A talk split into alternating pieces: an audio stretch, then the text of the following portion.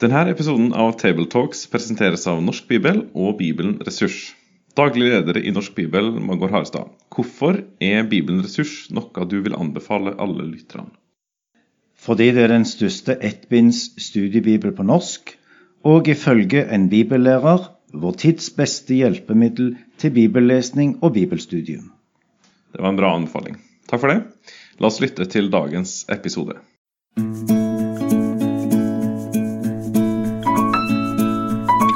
Velkommen til denne episoden av podkasten Tabletalks Søndagsteksten, som blir presentert av den kristne ressurssida foross.no.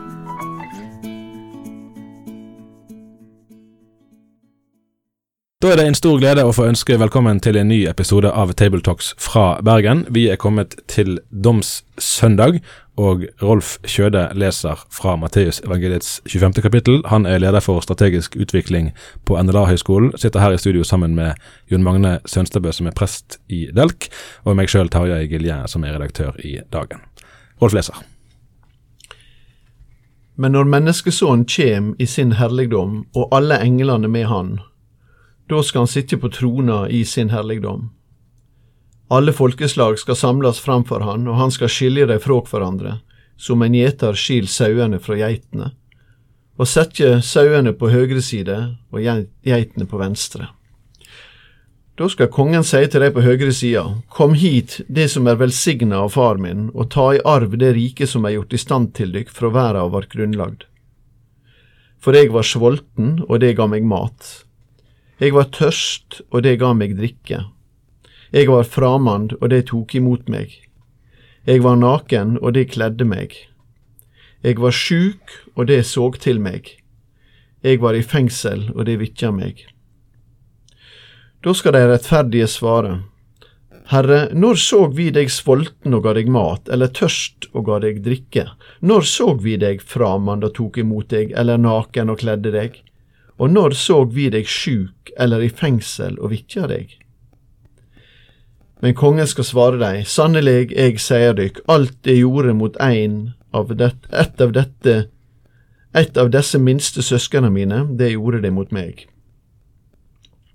Så skal han seie til dei på venstre sida, gå bort fra meg det som er forbanna, til den evige elden som er gjort i stand for djevelen og englene hans. For eg var svolten, men det ga meg ikke mat, eg var tørst, men det ga meg ikke drikke. Eg var framand, men det tok ikke imot meg. Eg var naken, men det kledde meg ikke. Eg var sjuk og i fengsel, men det så ikke til meg. Da skal de svare, Herre, når såg vi deg svolten eller tørst eller framand eller naken eller sjuk eller i fengsel uten å hjelpe deg? Men han skal svare deg, sannelig, eg sier dykk, alt det de ikke gjorde mot en av disse minste, det har de heller ikke gjort imot meg.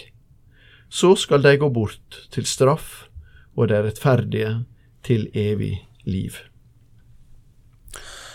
Matteusevangeliets 25. kapittel innledes med to lignelser, og så kommer da vårt alvorlige må vi si, avsnitt om eh, dommen. Men apropos dommen, vi skal jo ikke forveksle visstnok denne dommen med den vi finner omtalt mot slutten av Johannes' uh. Blant annet ser vi her at det er folkeslag som skal dømmes. Uh, og så leser vi om når menneskesønnen kommer i sin herlighet. Store ord. Uh, hvordan korresponderer dette med den eksisterende forståelsen av Gud som dommer hos de første tilhørerne? Ja, um det er et godt spørsmål. Nei, jeg, jeg, kjenner ikke den jødiske kulturen godt nok til det. Men altså det er vel eh, det, er, det at Gud dømmer, det er vel et tema som går igjen i Det gamle testamentet også, mm. og vi finner det vel også i, i, alle andre kulturer. Så det er en slags bevissthet i, i mennesket om at uh, en dag så skal en uh, svare for, for, sitt liv, eller en skal, skal, dømmes for en guddom. Det er vel kanskje mest i vår tid det at dette med dom er noe, noe fremmed og ukjent. Ja, ja. Altså, det er jo et uh, uttrykk uh, som brukes mye i Det gamle testamentet, eller flere ganger i Det gamle testamentet, spesielt hos profetene, da, som på hebraisk heter Yom Yahweh, og som betyr Herrens dag. Og Herrens dag, det er en, uh, det er en domsdag.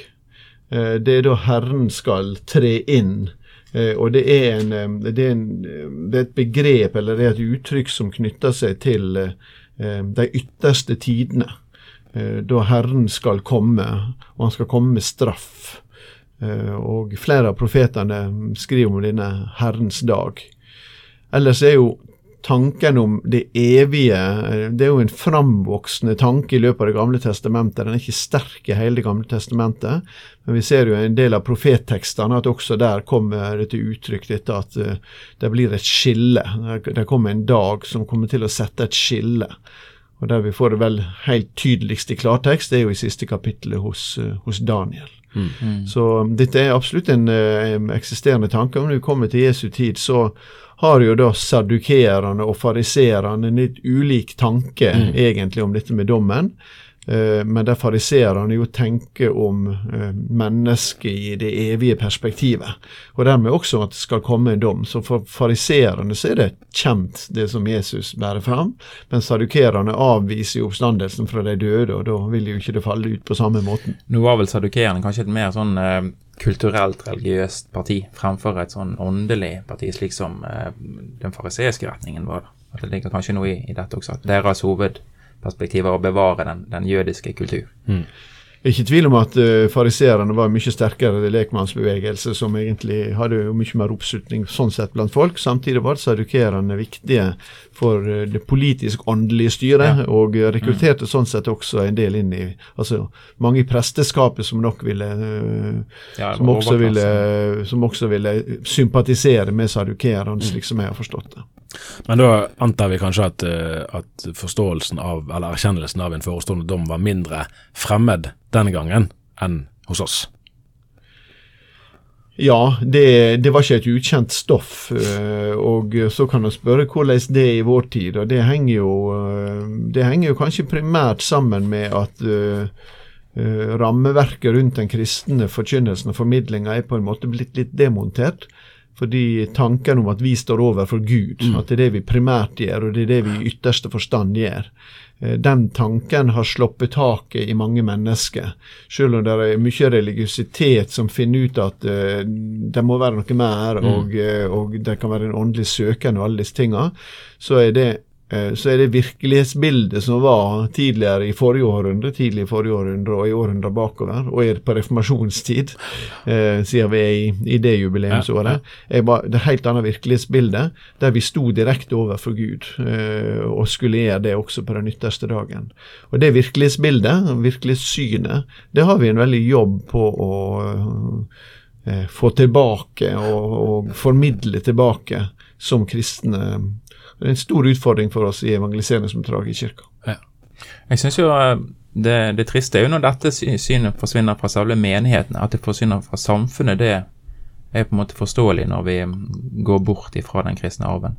Men når det himmelske perspektivet og dommen mm. og dette her mm. forsvinner fra menighetene, da har man gått glipp av noe. Da har man blitt meget jordbundet. Ja. Men jeg tenker vi som kristne skal jo på en måte ikke ha tenker, altså, hovedfokuset på, på, på dommen, men også ha har med oss dette perspektivet med at man går mot det himmelske bryllup, altså en himmellengsel, mm. framfor en frykt for, for, for dommen. Ja, ja. Så jeg tenkte på en ting akkurat når du snakket her, at i vår tid er det kanskje mer, eh, mer slik at det er Gud som dømmes av oss, framfor at han som dømmer eh, oss da. Mm. Så eh, han må stå til regnskap for alt det gale han gjør. Mm, mm. Men Jonas, du og meg er jo ca. like gamle.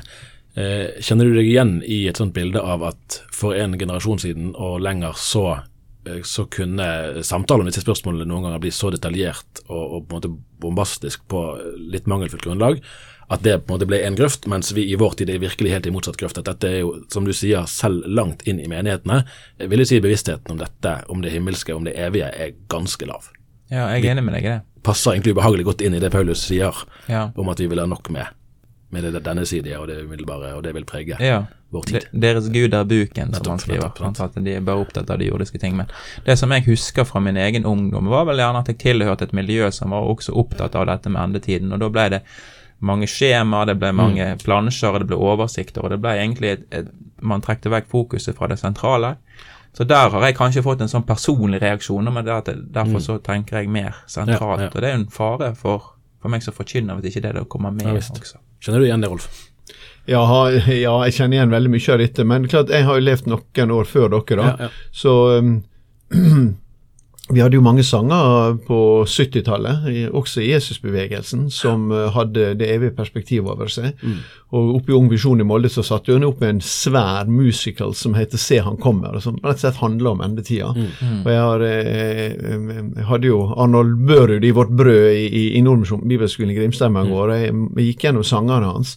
Og det var påfallende for meg når jeg hører gjennom det jeg hørte av tvers og minitvers av gjengen på, på 70-tallet, det er det veldig mye sanger som knytter seg til det evige. Det er ganske påfallende, egentlig.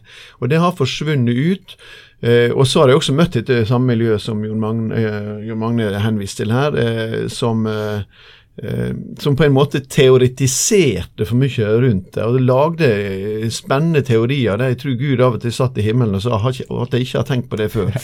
Eh, eh, og, og, eh, men egentlig tar det fokuset vekk fra det som vi, vi må formidle når det gjelder disse tinga, og som, som jo bør bli eksistensielt inn i mennesker sine liv, men hvor tusenårsriket plasseres i verdenshusholdninga. Det er ikke eksistensielt i et menneske sitt liv.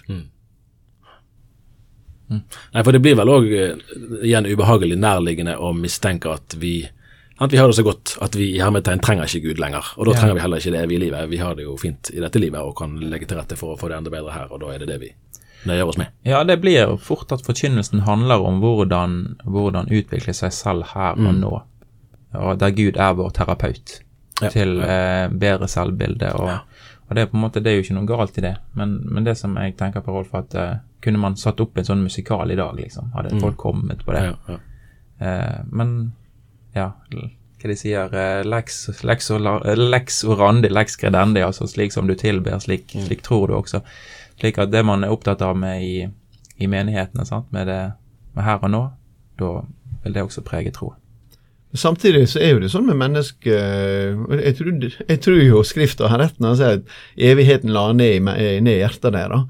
Eh, Så selv om vi sier at det er en god del ateisme rundt oss, så er jo ateismen likevel prosentvis veldig lav. Folk har ikke, slår ikke seg til ro med et ateistisk lukka verdensbilde. Så, så vår, vår jobb her er på mange måter er kanskje ikke å begynne med endetida, men å begynne med den første tida. Rett og slett å, gjenreise forståelsen av Gud som skaper, og at han har skapt oss personlig i sitt bilde, og at han står vi overfor. Og Derfor snakker vi om at vi er ansvarlige. Så det er, og, og når du, hvis du får, får begynt i den enden, så kan det hende det også vil gi mening å snakke om det endelige oppgjøret, for det er jo at rettferdigheten skal skje fyldest, og at vi skal stilles til ansvar. Og det stemmer jo med hvem vi er som mennesker. Og alle burde jo lære seg sangen som har refrenget 'Se han kommer', sant? i den stille, klare morgenen som Ja. denne musikalen er bygget på. Det burde være pensum. Den har vi sunget en gang. Ja, ja. Det nye testamentet forteller oss om flere ulike domsscenarioer. Jeg så litt i studiebibelen eh, tidligere, og den eh, delte de i tre. Sant? Kristi domstol for de troende, den dommen vi leser om i teksten vår eh, i dag, og de ugudeliges domstol, omtalt i, i åpenbaringen eh, kapittel 20. Er den tredelingen gangbar? Nei, altså jeg, jeg er ikke veldig altså Jeg er fortrolig med at noen vil dra opp slike ting, og noe av den uh, veldig sånn detaljeringa av det der henger sammen med det som vi var inne på i stad, et behov for å fordele ting i, i endens tid og i dommen. Og jeg er ikke så sikker på at vi har en entydighet i Skrifta sitt, uh, sin språkbruk som sier noe om det. Det er jo gjerne gjort et forsøk på å skjelne mellom Kristi domstol og Guds domstol. Men uh, faktum er at det står at vi alle skal fram for Kristi domstol. Det står i 2. Korinterbrev 5. Men det står også at vi alle skal framfor Guds domstol. Det står i Romerbrev 14.10. Eh, og om det er menneskesønn eller Gud, eh, de hører til på trona. Det er den treenige Gud som, som står for dommen. Eh, og, eh, så jeg ser ikke det store behovet for å skape de store skjelningene i dette. Men det kan hende jeg er for enkel i hodet mitt, men slik er nå det i min tankeverden. Jeg er nok like enkel som Rolf, for jeg tenker litt på samme måten. Jeg er, men jeg er redd for dette her når man skal begynne å lage disse skjemaene, for da blir du, får du en analytisk avstand til det. Men sannheten er at det er jeg som skal inn for Guds domstol. Sant? Og det er de som sitter og hører på, som skal inn for Guds domstol, og, og, sant? Eller, eller Kristi domstol. Nå vet jeg ikke om jeg sa feil her, etter hva du tenkte, men, men akkurat det, det tenker jeg eh, har vært det viktige perspektivet for meg. sant? Um, jeg så akkurat i Augustaner før jeg kom her i dag også, hva den sier om dommen, og den, det er veldig kort. Det er akkurat det som Rolf sier, det er dette skillet her. Sånn at du skal dømmes ut fra hvilken mm. tro du har. Tro En levende tro, eller om du har en ikke-tro. Mm. Så ja, jeg holder meg til det. Ja, ja, ja. Og så bare en, en sånn forutsetning til som, som, teksten er innom, eh, som vi sikkert ikke kan, kan, si alt som er å si om, men kanskje vi kan si noe. Sant? I vers 34 sier kongen, kom hit, dere som er velsignet av min far, og ta i arv det rike som er gjort i stand for dere fra verdens grunnvoll ble lagt. Hva forteller dette verset oss om forutbestemmelse, altså om Gud på forhånd så å si har planlagt hvem det er som blir frelst? Ja, um det som gjerne er det lutherske perspektivet, er jo det at vi er forutbestemt i, i Kristus. Sant? Altså det, Frelsen er forutbestemt til den som, den som, som tror. Eh, og at det ikke er eh, personen eh, det går på, eller navnet det går på. Eh, jeg vil bare tipse for de som er interessert i å både lese om dette med dom og dette med forutbestemmelse, så har jo for oss på nettsiden der et slags sånn leksikal oversikt over disse ordene, der eh, Jonny Vågen fra Stavanger har skrevet ganske, eh, ganske en, gode forklaringer på begge deler. Så jeg vil jo oppfordre de som vil jobbe med dette, de kan gå inn på, mm. på de ressurssidene der. Um, men jeg tenker gjerne at en nøkkel det er velsignelsen er knyttet til Kristus Jesus, mm. altså vårt forhold, forhold, til han. Det som jeg tenker med, med, med forutbestemmelsen, er jo hvilke utgangspunkt har vi som mennesker når vi jobber, med, eh, jobber med dette? Hvis man har utgangspunkt i skapelsen, så blir eh, og skapelsen og syndefallet, så blir Jesu forsoning på en måte en slags eh, middel for å reparere det som har vært et problem. Og dermed så er jo også det kanskje eh, Og da er det dette her med hvem er forutbestemt før dette, og, og problemet med det. Men, men hvis vi har utgangspunkt i at korset er det sentrale i Skriften. Hva betyr det at alt er knyttet til Jesu frelse i korset, og hvordan går den ut til alle mennesker? Så, så forandrer det, sånn som jeg tenker det, noe av dette fokuset vi har med hvem som, hører, hvem som er innenfor, og hvem som er utenfor. Eh, for det er jo ikke opp til oss å vurdere det. Vi tenker nok rimelig likt om, eh, om, eh, det vi kan kalle forutbestemmelsen og de tingene, og denne sterke tilknytninga i Kristus, som vi ikke minst finner i Feserbrevet sitt første ja. kapittel. Eh, men jeg mener at denne teksten her egentlig ikke snakker om en forutbestemmelse, den snakker om et rike som på forhånd er gjort i stand. Altså det er, og det er det riket som skal bebos av mennesket. Og, og her eh, sier denne fortellinga noe om hvem som kommer til å bebo det. Det sier ikke noe om deres forutbestemmelse til det, for, for, eh, for vår utvelgelse er Jesus Kristus. Men det sier noe om at riket er vel planlagt. Mm -hmm. Og det, det, har, det, er evig, det, er evig, planlagt og, og, står fast. Det kommer aldri til å rikkes. Det, er jo et ekstra motiv i det, da. Mm. Ja. Nei, men Da må jeg anse det som etablert. Eh, og Så kommer vi til selve testen i teksten, det som avgjør hvem som blir domfelt og hvem som eh, går fri. Og sånn Ved rent umiddelbar lesning så kan det nesten se ut som et slags eh, diakonalt program. Sant? Her er ingenting om teologi, om trosbekjennelse, gudstjenestedeltakelse eller personlig hverdagsliv. Det er mat, drikke, gjestfrihet, bekledning, helsehjelp, omsorg. Jesus mente neppe å foreskrive en annen eller en alternativ frelsesvei, men hvordan skal vi forstå tenkningen i det han sier her? Må iallfall få med oss den eh, må iallfall få med oss det som vi eh, leser i vers 38 eh, og vers 39. Fordi at det er helt åpenbart at de som her er kandidater til riket, de har ikke satsa på sine gjerninger som veien dit. Mm. For de lurer på hvor, når i alle dager dette kan ha skjedd, som blir forkynt eller blir kunngjort for dem av deres gjerninger. Ja. Så de gjerningene i deres liv har ikke stått i frelsens tjeneste. Gjerninga i deres liv har stått i medmennesket sin tjeneste. Og det svarer jo til nestekjærlighetsbudet. Ja. Um, for det er det vi er kalt til å leve med på, på denne jorda her. Um, men de har hatt en annen basis, tydeligvis.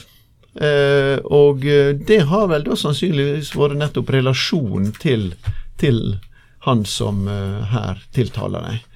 Eh, og, eh, og da kommer vi inn på det som har med trua å gjøre. og det at trua er ei levende tru som viser seg, er at vi, vi, vi følger Jesus Kristus. Trua har sånn sett Trua som er alene som frelsesgrunnen vår, den, den viser seg i neste omgang i, den, i det livet vi lever i etterfølgelsen av Jesus Kristus.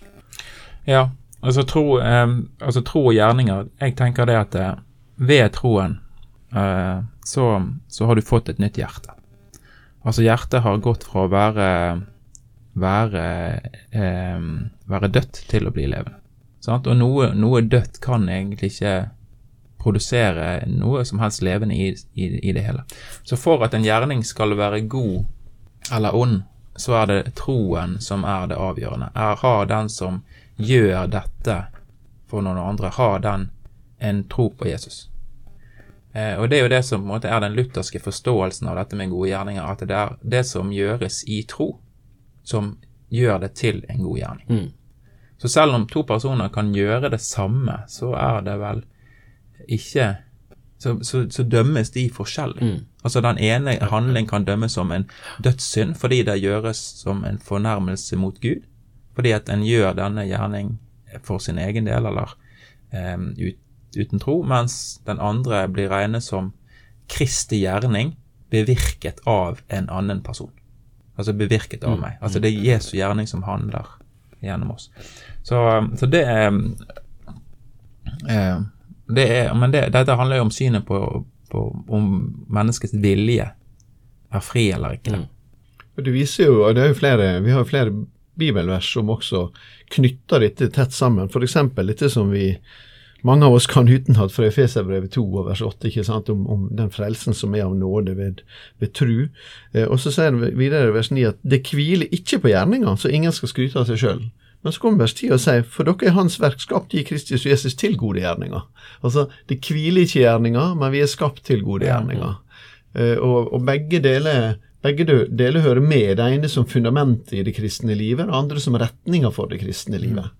Eh, og, og her gjenkjennes, i denne domsteksten her, da, så gjenkjennes en på retninga i livet sitt. Eh, og det, det skillet mellom disse geit, sauene og geitene, da, som jo er et lite poeng i seg sjøl, fordi at eh, det er ikke så åpenbar forskjell i veldig mange, en del andre plasser i verden på geit og sauer som det er i Norge, by sight, altså bare ved å se dem.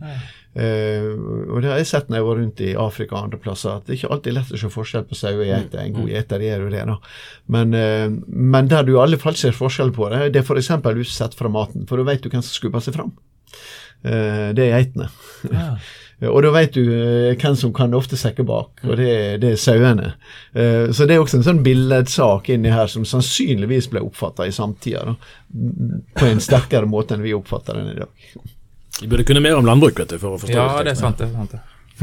Nei, altså Jeg vil jo oppfordre alle som vil jobbe med dette med tro og gjerninger på, et, eh, på, et Luther, på en Luthers grunn, og, og da henviser de til, til disputasjonen i Heidelberg fra 1518, som, der Martin Luther eh, har en, eh, en avhandling for sine felles eh, munkebrødre i Augustinerorden.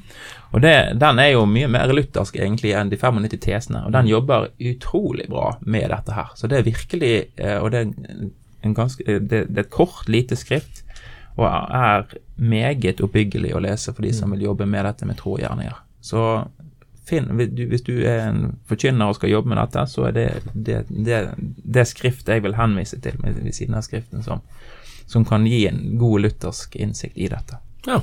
Det var reklame for det. ja, men det er vel verdt å reklamere for.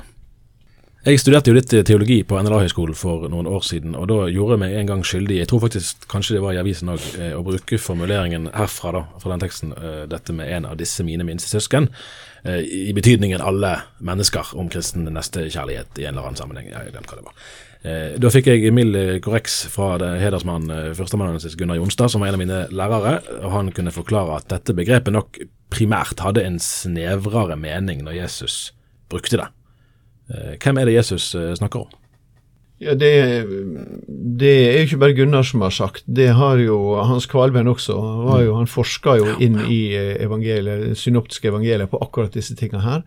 Og han var veldig sånn tydelig på at uh, de minste, disse mine minste små, når den type uttrykk brukes i de synoptiske evangeliet, så peker det på disippelflokken. Mm. Jesu egen disippelflokk.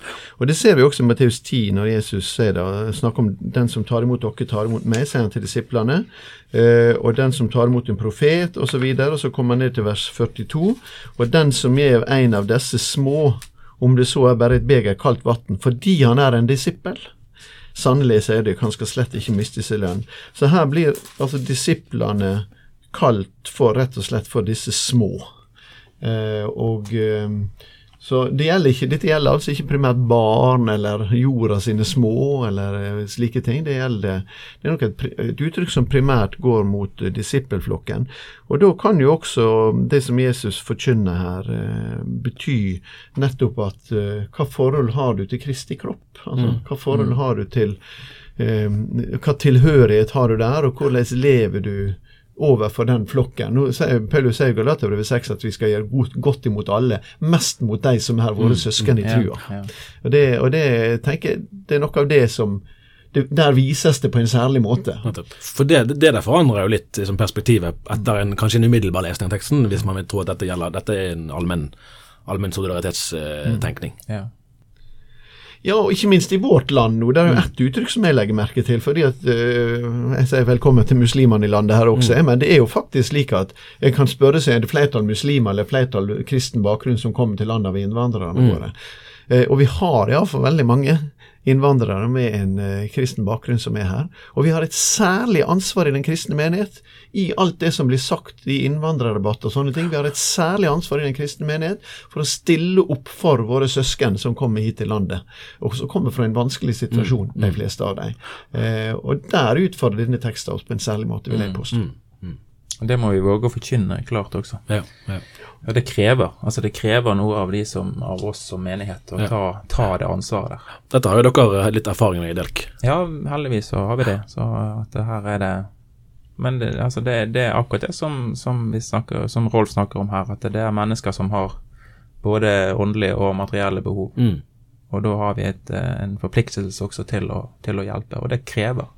Det krever noe, det koster noe. Det er noe som som, eh, som, er noe som menigheten må bære. Ja, ja. Så til eh, noe av det som er vanskeligst i, eh, i teksten. Vi, vi, leser 'Gå bort fra meg, dere som er forbannet, til den evige ild som er gjort i stand for djevelen og englene hans'. Dette hører vi ikke ofte snakk om fra talerstolene i dag. Og vi kan spørre oss, har vi gått fra Kanskje fra en lesning der dette ble forstått mer bokstavelig enn det var ment, til en lesning der vi enten overhodet ikke leser teksten her, eller bryr oss om den. Eventuelt da at vi kun ser på det som en slags eh, metafor, et bilde på noe, uten spesielle, konkrete fysiske referanser. Ja, altså Vi påvirkes av det samfunnet vi lever i, um, som er et her og nå-samfunn, som vi snakket om tidligere. Uh, og dermed så er dette her med det hinsidige, det vil, det vil det vekker jo eh, anstøt hos folk. Folk ler jo av det.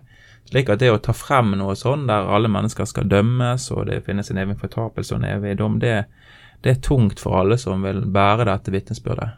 Eh, det er det. Om hvordan vi skal forstå det, så, så tenker jeg jo at Bibelen den, den, viser oss jo klare eksempler på at det er en dom over det onde. Altså Sodoma og Gomorra, det var, eh, slik Bibelen formidler det, en en hendelse, en historisk hendelse med, med dom over to byer som, som, som levde i vantro mot uh, Guds bud. Ja, altså, jeg, det er greit nok å si at det er bilde, for det er klart at uh, bilde ild og bilde mørke sagt om samme sak. Det, det, det går jo ikke sammen. Mm. Eh, så, så, det er greit nok å si at Bibelen bruker en del bilder på de tingene som skal skje. Og jeg har hørt noen si også ja, men lignelsen om Lasarus og, den, og den rike mannen er jo bare et bilde. Ja, men den er jo et bilde på noe. Mm. Altså, den, den, ja. Den, ja. det er greit nok det at det er en eksempelfortelling og et bilde, men den er faktisk et bilde på noe. Det er en bilde på en realitet. Det er en realitet som er bak bak det som Jesus uh, forkynner. og det er, jo, det er, jo, det som er slående her. Det er jo mange som har mot Paulus i vår tid, men sier at Jesus er stas. Men når det kommer til disse tingene, så mm. sier jo Paulus ganske lite om det, egentlig. Ja, Mens Jesus han er relativt tydelig, må vi si, på akkurat disse. Og den, den, den, tydeligste av alle. Uh, og, og det, men det, det ligger et djupt alvor i å skulle formidle det. og samtidig så har det for meg blitt slik at uh, å formidle de tingene som har med uh, det evige oppgjøret å gjøre, og som jo er Det blir et evig oppgjør, det er et evig skille. Mm. Uh, Bibelen åpner ikke for noe annet enn at det et evig, blir et evig skille. Men det gode i dette oppgjøret, om vi skal bruke et ord som godt i det, det er jo at det er Gud, den rettferdige, som holder oppgjør. Mm. Og hvis vi tenker oss at det ikke blir et oppgjør på denne jorda, da er jo det slik at da er det død og vondskap og krig som egentlig har siste ordet, hvis du skal se rent sånn verdenshistorisk på det. Og det er en form for perspektiv som jeg syns det er mye verre å leve med enn at vi faktisk har ei tru, og vi kan tru det fordi Jesus sto for de døde. Vi har faktisk ei tru på at det er en Gud som skal holde en rettferdig dom til slutt, og, skifte rett. Eh, og det er, det er det er en begrunnelse for dommen som jeg mener vi, vi gjerne kan holde fram som kristne. Jeg husker for eh, det må være en tre-fire år siden, så hadde man på, altså på Leder, som er Pinsevennet sin nye store lederkonferanse, så skulle de ha en sånn temakveld om helvete eh, på av, eh, en av dagene der. Jeg var jo spent på hva de kom til å, si om, om, det, for det er jo et emne som man ikke hører så mye om i dag. Og det var litt sånn tankevekkende at de ville egentlig ikke snakke noe særlig om det. Det var mer liksom at vår oppgave må være å forkynne frelse. Og så er fortapelsen der som en del av bildet, men det er ikke det vi, vi vektlegger. Og Grunnleggende er det jo det vi òg eh, har snakket om. Sånn at, at, at, Fra et Guds rike perspektiv så er jo dommen et, et, en håpsdag òg. Eh, men, men skal vi snakke meningsfullt om det, så må vi òg snakke om alvoret i alternativet. Og at de to ikke kan, kan skilles fra hverandre. Hva er det som må til, tror dere, for at frimodigheten her skal eh, bli større? Eh, ja, jeg tenker jo det at Guds ord er levende virkekraftig, fordi det er jo det det åpenbarer. Eh, så det å forkynne lov og evangelium, det er det vi må sette vår, vår lit til. At vi må forkynne Guds hellighet og Guds dom, holde den fram, samtidig som vi også forkynner evangeliet. Det er det redskapet vi har, slik at Den hellige ånd ved det kan virke tro og håp i mennesker. Eh, da vil vi kanskje også oppleve det som skjer, at noen mennesker forherder seg og, og ikke vil tro eh, evangeliet. Eh, men ja, jeg tenker at når vi forkynner helvete, så, eller forteller om denne utgangen, så må det være Vi må være sjelesorgisk forsiktige, fordi det kan også skade skade, skade mennesker, skape frykt. Mm. Fordi at da blir, Særlig hvis predikanten blir den som setter seg sjøl utenfor dommen og, og står der og, og, vurderer at den som gjør slik og slik og mm. slik, mm. den går evig fortapt. Det har vi dessverre mange dårlige eksempler på. Um, nei, Jeg syns det er veldig vanskelig å forkynne om, eh, om, dette. Jeg husker forrige gang jeg snakket, talte over denne teksten her for tre år siden, så, så var det rett etter uh, den store flommen inne i Odda. Ja. Eh, og da brukte jeg det som et bilde. Hvordan det bare skjedde plutselig en dag at den elven som hadde gått der så stille og rolig forbi alle disse husene, den bare veltet opp og rev med seg grunnmurer til det som var menneskers liv og trygghet. Eh, og at eh, naturen ble på en måte en slags forkynnelse av Guds lov. At her er det et skaperverk som også lengter mot den dag der alt skal settes i stand. Mm. Det er slående at Jesus, eh, når han snakker i evangeliekonteksten om, om fortapelsen, og jeg bruker primært begrepet fortapelsen, mm. Eh, for det er det det handler om, å gå fortapt. Ja, ja. Eh, men når Jesus snakker om det, så snakker han jo i en jødisk kontekst og til på en måte det som er gudsfolket, og han snakker til de som Eh, han, han, bruker det som en advarsel mot de som burde kjenne Gud godt. Ja, ja. Eh, mens når Paulus, hedningapostelen, kommer, så er ikke han uten det. Det er der. Eh, vi, kunne kommet med skriftsted på det. Men det ser ut som likevel i, i den forkynnelsen at det, det, det har ikke eh, han bruker det ikke som en trussel, altså slik som Jon Magne sier her nå på en god måte, at det er viktig at vi, vi har dette med oss. og og eh, jeg kan, Vi kan ikke forkynne fortapelsen, vi som er forkynnere, uten at vi gjør det med smerte, med en egen smerte. Eh, og, eh, og det, er jo, det er jo en svær ting i Guds ord som å komme til rette med. Men eh, vi kan ikke dermed underslå det. Sannheten er at alle mennesker fortjener fortapelsen. Ja. Eh, det er realiteten. Mm. Men så rekker Gud ut sitt evangelium til oss. Eh, at Jesus han har grepet oss ved sitt ord. Og det gjelder for alle oss som hører på i dag, og som også er, kjenner på den usikkerheten. Er jeg med eller ikke? Og det gjør teksten med oss. Det er loven i teksten som dømmer oss. Og da eh, legger vi fra oss våre gjerninger, og så roper vi på Jesus. Herre frels. Om hvem er du, Herre, så blir jeg om. Jeg syns det er veldig fint å tenke på i, Det står akkurat det samme i dine tekster som det står når vi kommer bak til dommen og domsområdet i Johannes' åpenbaring. Det står at dette, denne dommen, dette stedet for dommen, da, det er bestemt for djevelen og englene hans. Det er de det er sikta inn mot. Det er ikke sikta inn mot at mennesket bør komme dit. Eh, og det må jo gi sånt eh, Det må gi en sånn nød i forkynnelsen vår. Si til mennesket du, du, du kan unnfly hele saken. Du, Ja. kan, eh, du kan dra til Kristus. Der er du trygg, altså. Her må det passe å si amen. Ja. Amen. Da sier vi takk for oss i denne omgang. Vi høres igjen. Med det sier vi takk for følget for denne gang. Finn flere ressurser, og vær gjerne med å støtte oss på foross.no.